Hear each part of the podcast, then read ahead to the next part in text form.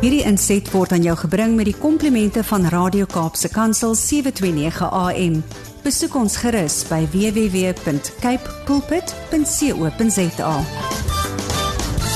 Ons reis 'n bietjie Pretoria toe vanoggend waar ons gesels met Zanti Swanepoel en jy kan dit raai gaan maak op haar Facebookblad sowel as haar Instagram waar jy kan sien hoe hierdie voormalige mevrou Verenigde Nasies ma internasionale spreker, ehm, 'n um, vrou vir haar man en ook die stigter van die Babies Behind Bars projek, ook iemand is saam met wie jy virtueel kan stap. So gaan loer gerus daar, hoe kan dit moontlik maak waar jy ook gesonde lewensbeginsels um, kan toepas in die proses wanneer jy saam met haar stap. Maar vanoggend is dit wêreld of vandag is dit wêreldmoedertaaldag.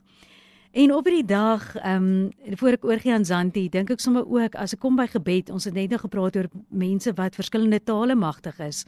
Party mense het net daai vermoë om met woorde in te kleer as hulle praat. En kyk, hulle kan vir jou bid dat jy voel hulle is bietjie nader aan die hemel as jy. En dan sal ander mense wat wat dalk skaam kry wanneer dit kom by gebed. Ehm um, en net voel maar hulle het nie daai woorde of hulle weet nie hoe om dit uit te druk nie. En vanoggend praat Zanti so na aan ons harte wanneer sy ook vandag praat oor die krag van 'n klein gebed. En ons kan nie wag om te hoor wat sy te sê het nie, maar eers om haar te groet, Zanti, goeiemôre. Goeiemôre. Ag, hoe lekker is dit om julle stemme te hoor en te praat oor iets wat my net so na in die hart lê, nê. Nee. Ag, ja. om te bid. Ek ehm um, dit maak my opgewonde as ek as ek hoor dat dit vandag ja ons moedertaaldag is en ek is trots Afrikaans.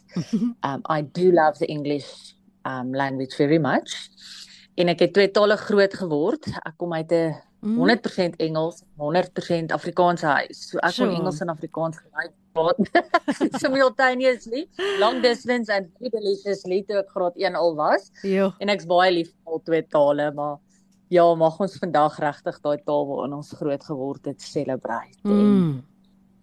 En, en ook die feit dat ons 'n God kan aanbid wat hulle almal verstaan. Ja. But most of all, he understands the language of the heart. So that needs no words. Ja. Ek onthou uh, ek het toe ek die Babies Behind Bars Awareness projek begin het in 2000 en ja, 2000 2001 um en ek baie in die gevangenisse bedien het was my grootste uitdaging en dit wat ek vir myself gesê het is may I go into this place and bring God's love and word in such a way that I only use my mouth and words when it's necessary. Hmm. Dis my uitdaging vir jou vandag is dat mense deur jou lewe en om in jou just to be in your presence they will feel something different different and yearn to have what you have hmm. want jy sien dit is Jesus in ons it's the love of Christ that brings them to us it's the love of Christ that brings them to him through us. En as ek ver oggend met jou praat oor iets wat my baie na in die hart lê gebed.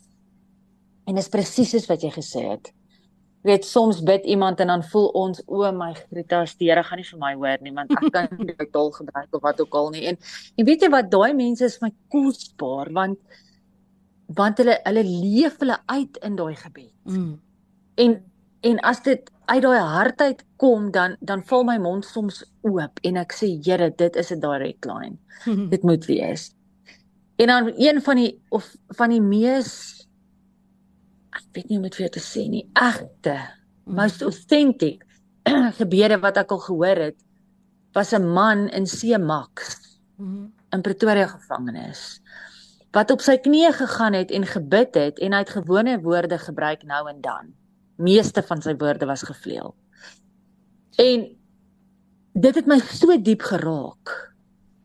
Want dit was so eg. Hmm. En so diep en hy het soveel seer maar dit was daai vinnige, kort, skerp gebed. Mhm. Mm nie met al die weetaalkundige grammatically correct woorde nie, maar dit was so so mooi en dit dit is wat ek vandag vir jou wil sê, maar ek wil ek wil kom by die punt van hoekom moet ons bid? Jy weet, soveel mense vra maar jy weet, hoekom bid ons nou eintlik? Want as God alomteenwoordig is, as hy sovereign is, as hy 100% in beheer is, dan weet hy mos in elk geval alles van my lewe. So hoekom moet ek dan nou bid en dit net vir hom herhaal wat hy reeds weet? En ek wil vandag vir jou uitdaag en vir jou sê as jou gebed of my gebed is dat jou gebed nie meer gaan gaan oor jou lysie vir God nie. Maar dat jy by daai plek in jou lewe sal kom waar wanneer jy op jou knieë gaan en jy bid, then you know that God knows what's happening in your life. Hmm. And you know because of your deep connection to him and with him that he's already sorting that. Mm. But your biggest prayer in jou hartsversoek is om God se hart te ken. To ask him his agenda for the day sure. and not give him yours. Heeltemal 'n ander perspektief as jy by God se voete gaan sit en dit gaan glad nie oor jou nie. Sure. But it's to know him, his heart, his will wat hom seermaak wat vir hom belangrik is, wie hy vir jou wys om voor te bid. Wanneer jy met 'n skoon canvas voor sy voete gaan sit hmm. en sê God, you know everything about me and I trust that you are already sorting that. For you say if I first seek your kingdom, everything of this will be added on to me. But Lord, my heart this morning is to find out what your heart is. How your heart is beating today. Who and what is on your agenda? En dan stil te word en die Here net te vertrou dat hy vir jou sal wys. En dan wys hy vir jou gesig van iemand. Weet jy, ek het al so gesit by die Here se voete en dan wys hy vir my Japan. Hmm. Dan dink ek, ek was in my lewe nog nooit in Japan nie. Ek ken nie eers regtig Japaneese nie. En dan begin die Here vir my so liefde vir daai nasie in my hart sit en dan bid ek 'n week lank net vir Japan. Hm. En dan wil jy vir my sê jy wonder soms maak jou lewe 'n verskil. Dan jy iets vir die Here doen maar jy het nie 'n platform nie. Jy het nie die titel nie. Jy's eintlik niemand nie. Ek wil vandag vir jou sê jy's alles. Because when you understand that you are a vessel of the most powerful almighty God, your prayers and your prayer life will change. Hmm. Because it will no longer be about your lists. Because God's got them. Hmm. It will be about you being a powerful vessel in his hand for his agenda. Weet wat ek lees 'n boek, die boek se naam is Why Pray deur John F. De Vries. En hy skryf die volgende: Hy sê a couple that attended one of our seminars on prayer reported God had led them to a strange experiment. Jy sien toe hulle nie meer vir God begin bid oor wat hulle soek en wat in hulle lewe aangaan en wat probleme daar is nie, maar hulle begin God se hart soek. Then God led them to this strange experiment. They selected a shopping mall as their target for prayers. And every Wednesday late afternoon, they slowly walk through this mall, pausing briefly and as inconspicuously as possible in front of each store to ask God to shine His light and His blessing on the owners of the shop, the managers, the customers, and the personnel and staff. They told that after a few months of doing this in this shopping mall, a crowd of teenagers approached them and said, We know what you two are doing, but we want to tell you today that we are beating you in this because we are walking around here and cursing this mall and every shop every day of every week. Hmm. But the couple continued to pray despite this strange threat. They prayed through the Christmas rush, faithfully and diligently that year trusting God. Storekeepers and security guards caught on to what they were doing and expressed their gratitude and appreciation. When the Christmas rush was over that year, they received some startling news. This mall was known as one of the most violent in the city, with lots of break ins, armed robberies, high rates of police calls, and loads of shoplifting. But that Christmas season, however, the mall came on top as the quietest, with the least disturbance and the least amount of shoplifting. Storekeepers and security guards could not help but be impressed by this dramatic result. And those who were not Christians were even more intrigued about this phenomenon. Hmm.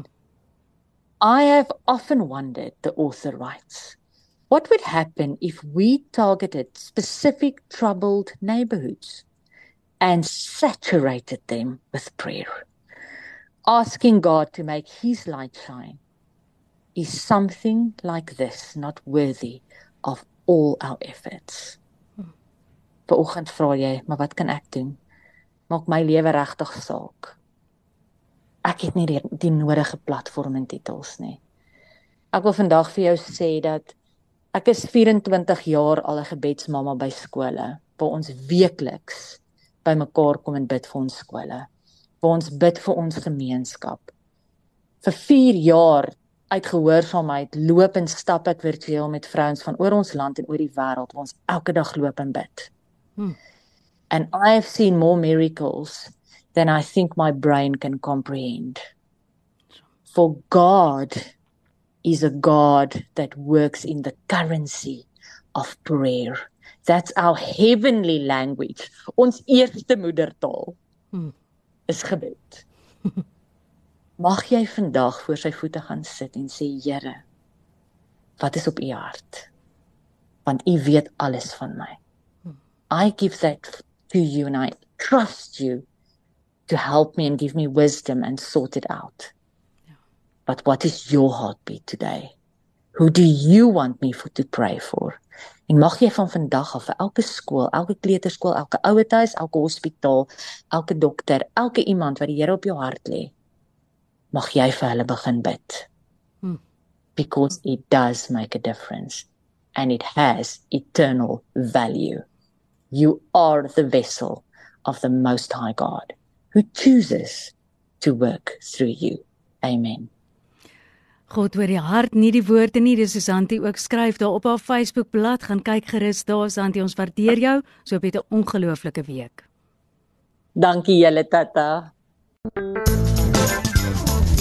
Hierdie inset was aan jou gebring met die komplimente van Radio Kaapse Kansel 729 AM.